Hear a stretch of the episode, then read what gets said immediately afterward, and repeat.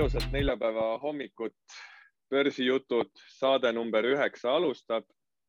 mina olen Markus ja lahkan finantsturge kaupleja vaatenurgast. mina Märten ja vaatan asju investori pilgu läbi.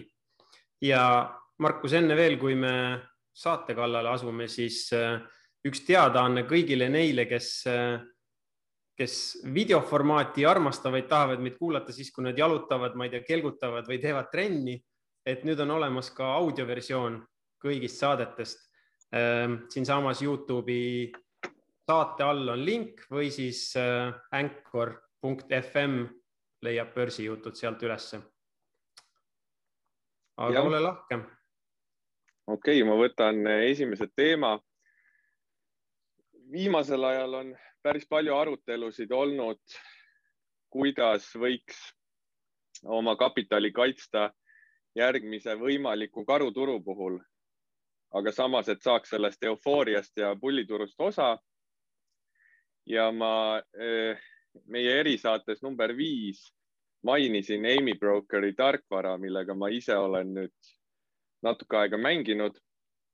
ja ma mõtlesin, et ma jagan ühte sellist turuajastamise strateegiat sinu ja vaatajatega ja küsin, mis sina sellest maailmast arvad, mida ma siis ise pidevalt praktiseerin no. nii, selline, et selline kvantitatiivne eh, sissejuhatus, see on selline väga lihtsustatud versioon muidugi minu kvantitatiivanalüüsist. aga enne kui ma seda näitan, ütlen ka sellise kiire lahtiütleja, et mineviku tootlus ei garanteeri tuleviku tootlust. Äh, ma ei so-, jah. ma just, ma just mõtlesin, et sa nüüd kõigepealt ütled mingi turundusliku sisuga väljahõikamise, et, et vaadake, siin on strateegia ja kolme nädala pärast on hedge fond tulekul, et pange raha valmis ei, ma ütleks selle siiski ära, et äh, mineviku backtest, mineviku tulemused ei äh, garanteeri, et see strateegia tulevikus sama hästi toimib. igaüks peaks äh, ise tutvuma riskidega ja ma, ma kunagi ei soovita pimesi kaubelda ühtegi strateegiat äh, raamatust või blogist, et ikkagi tuleb endale selgeks teha, aru saada, mis see täpselt on ja, ja kas see, kas seda oleks mugav kaubelda. Äh, siin esimeses pildis on siis ees minu see backtest, mille ma lõpuks kokku panin SMP viiesaja indeksi peal ja viimase kahekümne ühe aasta mm, tulemus esimesest jaanuarist aastast kaks tuhat kuni siis eelmise nädala reede seisuga. ja võtsin siia kõrvale osta-hoia tulemuse, noh, loomulikult see eh, viimased kakskümmend aastat oli kaks pikka karuturgu, mis, eh, mis võib-olla iga kahekümne aasta põhjal ei ei mängi samamoodi välja, aga, aga ma natuke selgitan seda, et siin äh, mõlema puhul siis algkapital kümme tuhat dollarit. Äh, osta-hoia puhul lõppväärtus kakskümmend kuus tuhat kaheksasada, selle turuajastamise strateegiaga nelikümmend kaks tuhat dollarit.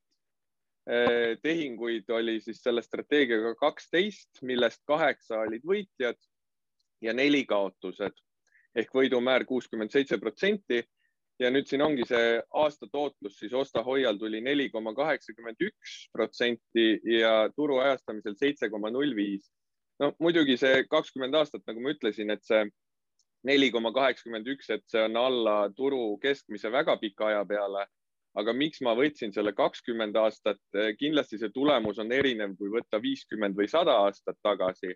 aga mind ennast üldjuhul huvitab see alates aasta kaks tuhat, kui turud läksid rohkem elektrooniliseks või noh, nad läksidki, muutusid elektrooniliseks, äh, hakkas hoogu koguma algoritmiline kauplemine ja, ja samas äh, hakkas populaarseks minema ka passiivne investeerimine ehk siis noh, turud mhm. muutuvad ja see aastast kaks tuhat on olnud tegelikult selline revolutsiooniline muutus finantsturgudel mis aga minu enda jaoks äh, just sellise kapitali kaitsmise seisukohalt on kõige olulisem, on see viimane rida maximum drawdown ehk siis maksimaalne äh, konto väärtuse kahanemine tipust põhjani enne uut taastumist. mis siis äh, osta-hoia puhul oli kõige suurem oli kaks tuhat kaheksa miinus viiskümmend seitse protsenti, mis oli küll paberil, aga no ilmselt seda reaalelus läbi elada ikkagi noh, on üsna kehv see konkreetne hetk. ja sellel turuajastamise strateegial oli siis kõige suurem kukkumine enne taastumist miinus seitseteist protsenti Eh, mis siis tuli ka nagu realiseerida kaotusena, mis ei olnud siis paberil mm. -hmm. siis strateegia reeglid, ülilihtne. Eh, loen ette, osta reegel on, kui kuu lõpu sulgumise hind on üle kahesaja päeva tavalise libiseva keskmise, osta turuorderiga järgmisel avanemisel ja müügireegel kui kuu lõpu sulgumise hind on alla kahesaja päeva tavalise libiseva keskmise, müü turuorderiga järgmisel avanemisel. ehk siis see on üliväikese aktiivsusega strateegia, sa pead kord kuus seda vaatama. Kui kuu viimane päev siis sulgub kas kahesaja päeva libiseva keskmise kohal või all, on vastavalt signaal ja, ja ma testisin erinevaid keskmisi, erinevaid äh, päevi, päeva, nädala, kuugraafikut ja nii edasi. ja, ja tegelikult on see, et kui lihtsalt võtta kahesaja päeva libisev keskmine, siis tekib päris mm. palju neid äh, valesignaale ja selle joone kohal üles-alla liikumisi sisse-välja. aga see, kui tõmmata see strateegia nagu rahulikumaks ja pikaajalisemaks, et vaatad korraks kuus, kuidas kuu lõppes, siis ta annab nagu sellise parema stabiilsuse mm. -hmm. vist äh, traditsiooniliselt äh, selles nii-öelda pikaajalises trendi kauplemises või trend following us kasutatakse ka sellist lihtsat reeglit, et kümne perioodi moving average või libisev keskmine kuise sagedusega graafikul, mis põhimõtteliselt teebki välja vist umbes täpselt selle kakssada päeva. Äh, ja, ja kusjuures ma ise testisin ka seda kümne kuu libisevat keskmist kuu graafikul Nii. ja see viimase kahekümne aasta jooksul ta ei andnud paremat tulemust. aga olid seal tegelikult... siis märkimisväärsed erinevused või, või praktiliselt sama? Peast ei mäleta, noh, põhiline on see, et see strateegia oleks robustne, ma ei taha teda liiga palju mineviku data peale sobitada, sest tulevik ei ole kunagi sama. ma tahan, et mm. oleks niisugune võimalikult paindlik strateegia, võimalikult paindlikud reeglid. aga lihtsalt see kümne kuu libiseva keskmise Äh, strateegiat ta ei olnud ikkagi, ta ei olnud ikkagi nii hea. minu meelest ta oli seal äkki viie protsendi juures oli see tootlus, mitte seitse mm. -hmm. Et äh, lihtsalt on natukene, noh, kuugraafik on natuke aeglasem ja suurema läägiga.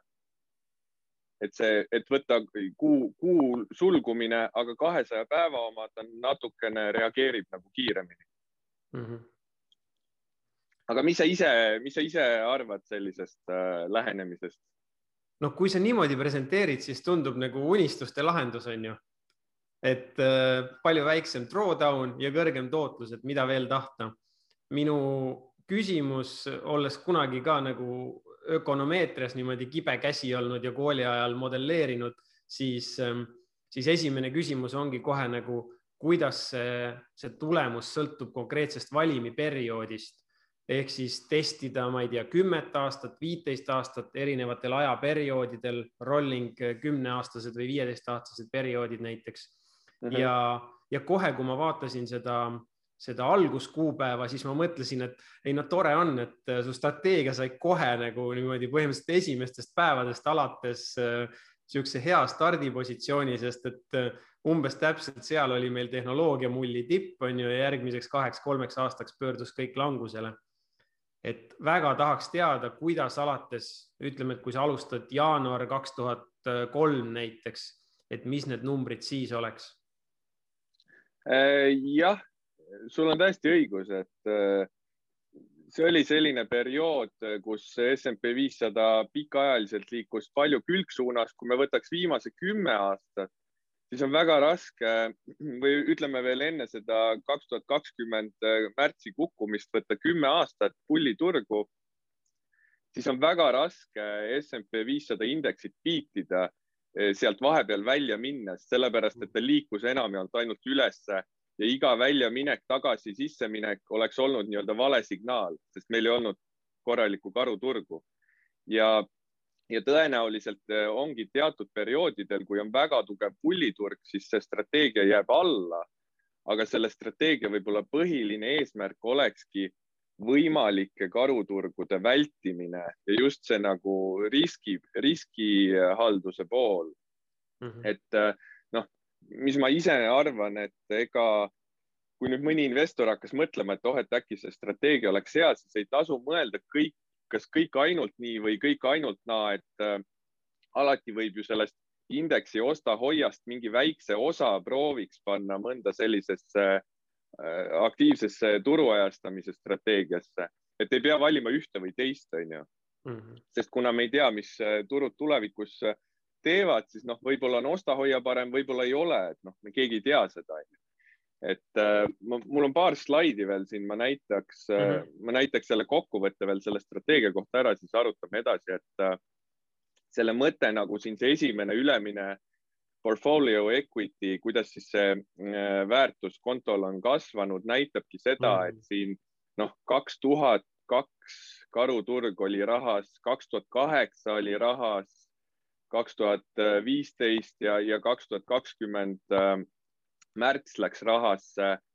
et noh, selle strateegia põhimõte ongi see, et vältida neid suuri pikki karuturge ja kui meil neid ei ole, siis ta ei saa seda indeksi osta-hoiat ületada mm. -hmm ja alumine graafik on sul siis nagu drawdown, et millal äh, justkui rahasse minek toimus, on ju? Äh, all on drawdown, tegelikult siin sees on ka nii-öelda paper drawdown ehk siis, mis mm -hmm. Strateegias sees olles toimus. et siin on siis näha seda, et selles positsioonis sees olles drawdown ei olnud kunagi üle kümne protsendi, aga siis välja minnes, kui tulid karuturud või olid suuremad kukkumised ja pidi seda kaotust realiseerima, siis kõige suurem drawdown oli miinus seitseteist protsenti. Et noh, lihtsalt minu jaoks on see, et kui siia kõrvale võtta see, et kaks tuhat kaks oli miinus viiskümmend, kaks tuhat kaheksa miinus viiskümmend seitse kaks tuhat kakskümmend märts miinus kolmkümmend viis protsenti. et tegelikult, kui sa mõtled, et okei okay,, tagant, tagasivaates olid need lihtsalt paberil, neid ei pidanud realiseerima osta-hoia investor. aga lihtsalt minu jaoks on see, et see hetk läbi elades, kui sul konto kahaneb poole võrra ja sa ei tea, kui kaua see kestab, siis minu jaoks on nagu mugav mingi osaga vähemalt olla rahas. ja mõistan väga hästi ja nagu kust ma tegelikult selle strateegia kasu veel näen, on mõnes mõttes ükskõik, kas sa oled siis nagu selline aktiivne üksikaktsiate valija või, või läbi ETF-ide indeksfondide, et seesama, seesama strateegia või seesama indikaator, et kuu lõpus vaadata, kas me oleme üle kahesaja päeva libise, libiseva või mitte ähm,, annab siis nagu aimdust, on ju, et missuguses turufaasis me oleme suures pildis, et kas me oleme tõusval turul või pigem langeval ja see aitab siis nagu minu arvates kuidagi noh, sättida seda strateegiat ka, et kas ma nüüd olen nagu agressiivne, väga agressiivne või korraks nagu pean seda pausi uute aktsiate ostmisel, juhul kui yeah, tegu yeah. on siis aktiivse investoriga, on ju jah, seda võib erinevalt kasutada, seda signaali, et seda võib kasutada indeksi kauplemiseks mingi osaga, näiteks seda võib kasutada üksikaktsiate üldiseks äh, turufiltriks või nagu sa ütlesid, et näiteks lihtsalt äh, uute aktsiate juurdeostmiseks või, või noh. noh, kindlasti samas on ju see signaal ei ole midagi sellist, mis äh, ütleme, et ähm, järgmine kuu meil sulgub allpool kahesaja päeva libisevat keskmist, et see annaks signaali kõikidele üksikaktsiatele, mis minu portfellis on, et ma need maha müüks, on ju. võib-olla seal on mingi selline igav tegelane nagu Procter and Gamble või Walmart, mis vastupidi nagu sellistes ähm, turutsükli faasides, kas ei tee midagi, on ju, või hoopis nagu hinna mõttes võidab. Ähm, mhm. et pigem on ju siis noh, niisugune meeldetuletus kõigile, kes mõtlevad, et see on mingi kõik ühe strateegia, et siis ta on ju indeksi pealt sul äh, nagu back test itud ja, ja modelleeritud, mitte üksikute aktsiate pealt ja kindlasti ei tähenda see seda, et äh, kohe kõik aktsiad peab müüki viskama, et ikkagi jah, see strateegia tuleb läbi mõelda ja enne paika panna, aga siin on ka see asi, et, et kui seda kasutada näiteks omaette signaalidena indeksi peal, sa pead alati võtma seda signaali, et see süsteem toimiks. Et ei saa nii, et äh, märtsi alguses, märts kaks tuhat kakskümmend läksin äh, selle signaaliga rahasse, aga kui juuni alguses tuli ostusignaal, siis hakkasin kahtlema, et ai, et meil koroona on ikka nii tugev ja äkki ikka karuturg läheb edasi ja et see on mingisugune surnud kassi põrge, et ma seda ostusignaali ei võta, onju.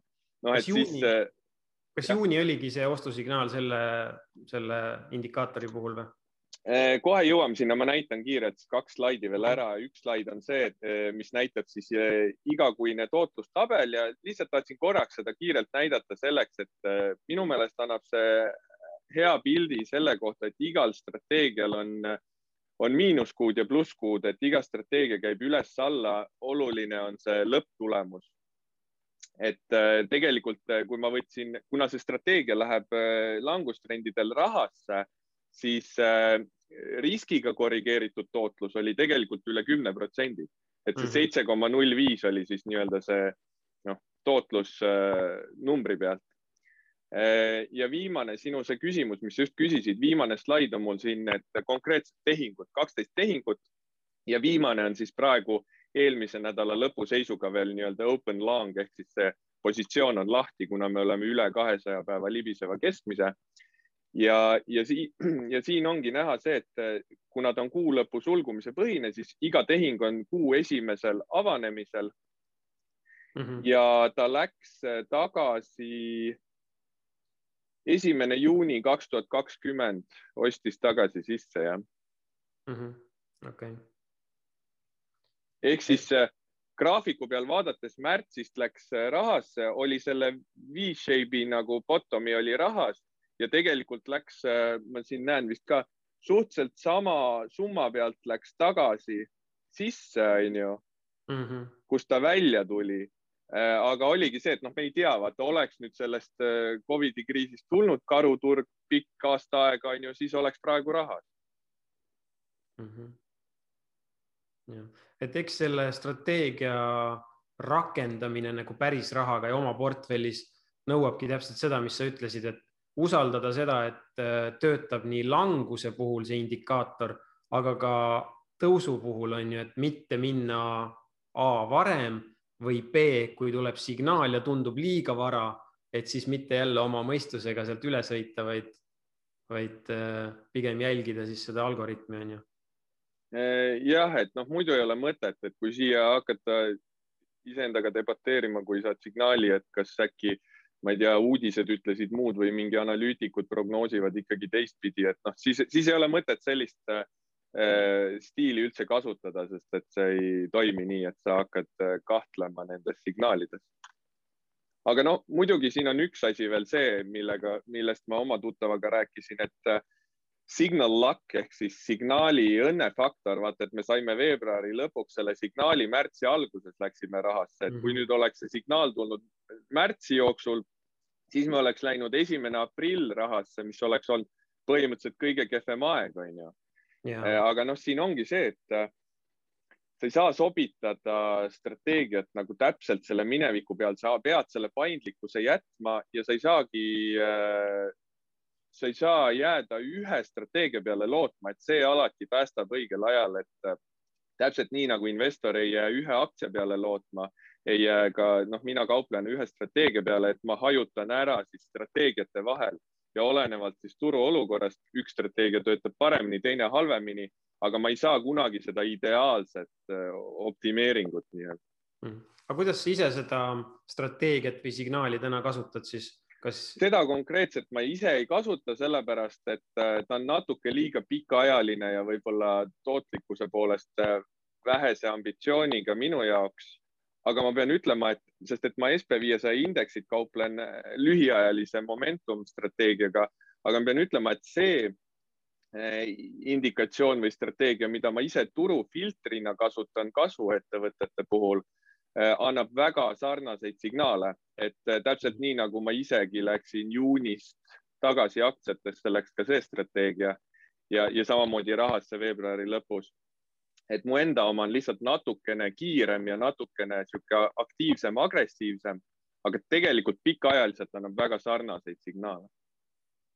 okei okay no võib-olla siin ongi paslik äh, jutuks võtta see, see teema, mida mina tahtsin täna tõstatada, mis on äh, nagu jällegi taaskord risti vastupidi, diametraalselt erinev sellest, mis me rääkisime, et et sina lükkasid oma horisonti nüüd tavapäratult pikemaks, et on ju, et see ei ole päris sinu mugavustsoon äh, nii pikki selliseid tsükleid kaubelda tavaliselt, nagu ma aru saan mm. -hmm.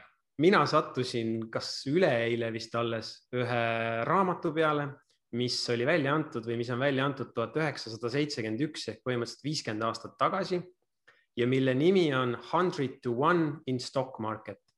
Ja, ja autor siis, mida ta tegi alates tuhande üheksasaja kolmekümnendatest kuni tuhande üheksasaja seitsmekümne esimese aastani, otsis USA börsilt aktsiaid, mida, kui sa ostsid ja hoidsid ja mitte siis mingite lõude pealt, vaid iga aasta hai pealt kasvõi, et sa vähemalt sajakordistaks oma sisse pandud kapitali.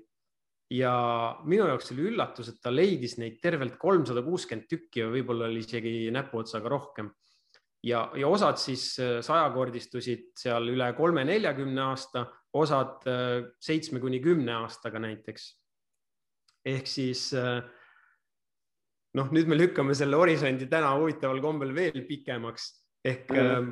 maru, maru tore raamat, et äh, ma ise olen kusagil poole peal omadega, kus ta on seni ainult neid näiteid toonud, aga, aga raamatu eesmärk oli siis äh, otsida mingeid sarnasusi, et, et ähm, missugused need aktsiad välja nägid siis enne seda, kui see nii-öelda sajakordne tõus alguse sai. Ehk hundred to one in stock market oli raamatu pealkiri okei okay,, aga see oli siis rohkem äh, kahekümnenda sajandi esimesest poolest? ja see, see tema analüüs kaasaski perioodi tuhat üheksasada kolmkümmend kaks kuni tuhat üheksasada seitsekümmend üks. okei okay., niisugune küsimus, ma ei tea, ma olen ise, ma ei ole ise back test inud, aga ma olen kuulnud, et väidetavalt USA börsil äh, kahekümnenda sajandi esimesel poolel enne viiekümnendaid oli rohkem see fenomen, et aktsiad äh, tõusid järsult ja lühiajaliselt ja siis langesid niimoodi vaikselt ja pikaajaliselt ja siis jälle tõusid järsult. vastupidiselt siis tänapäeval, kus äh, tõus on selline rahulik ja pikaajaline ja siis on järsud lühiajalised kukkumised. et justkui enne viiekümnendaid oli see teistpidi, ma ei tea, oled sa sellega kuulnud või kokku puutunud?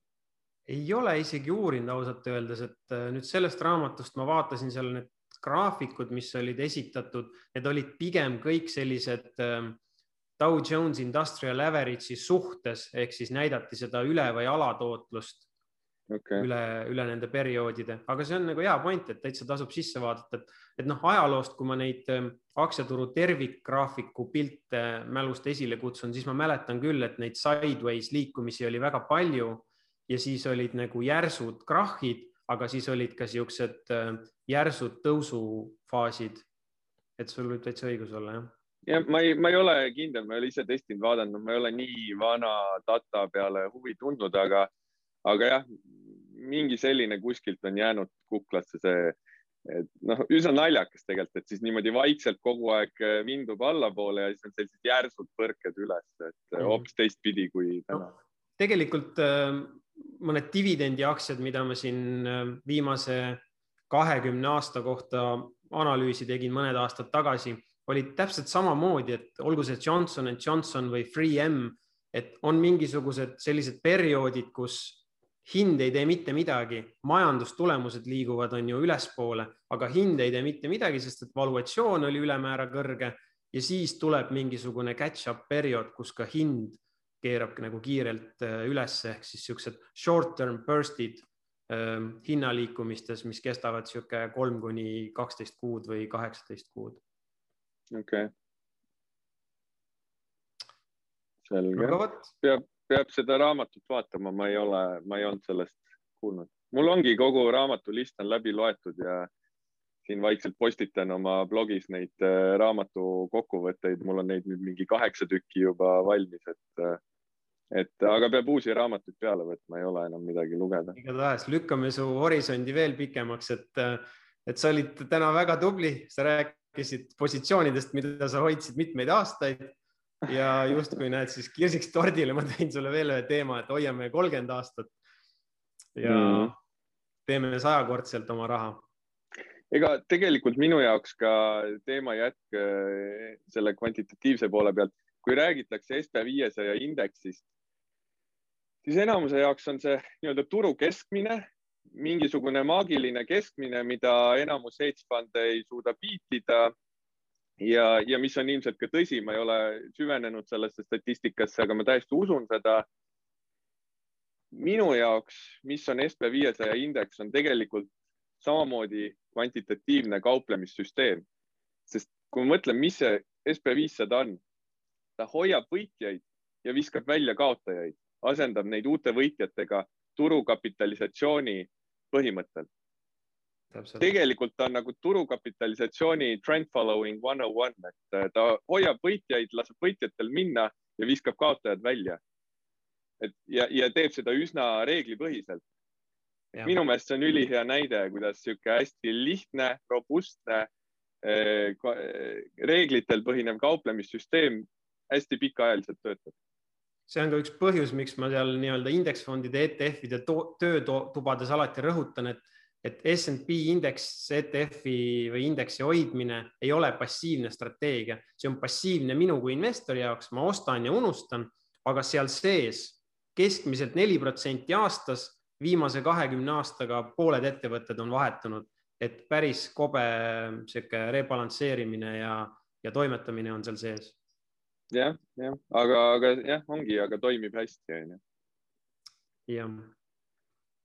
no aga nii tundus, et äh, täna rääkisime pikemalt ja põhjalikumalt põhimõtteliselt ühel teemal, mis oli väga huvitav, ma arvan, nii mulle kui, kui kõigile vaatajatele-kuulajatele. aitäh, et sa jagasid ja datat ka.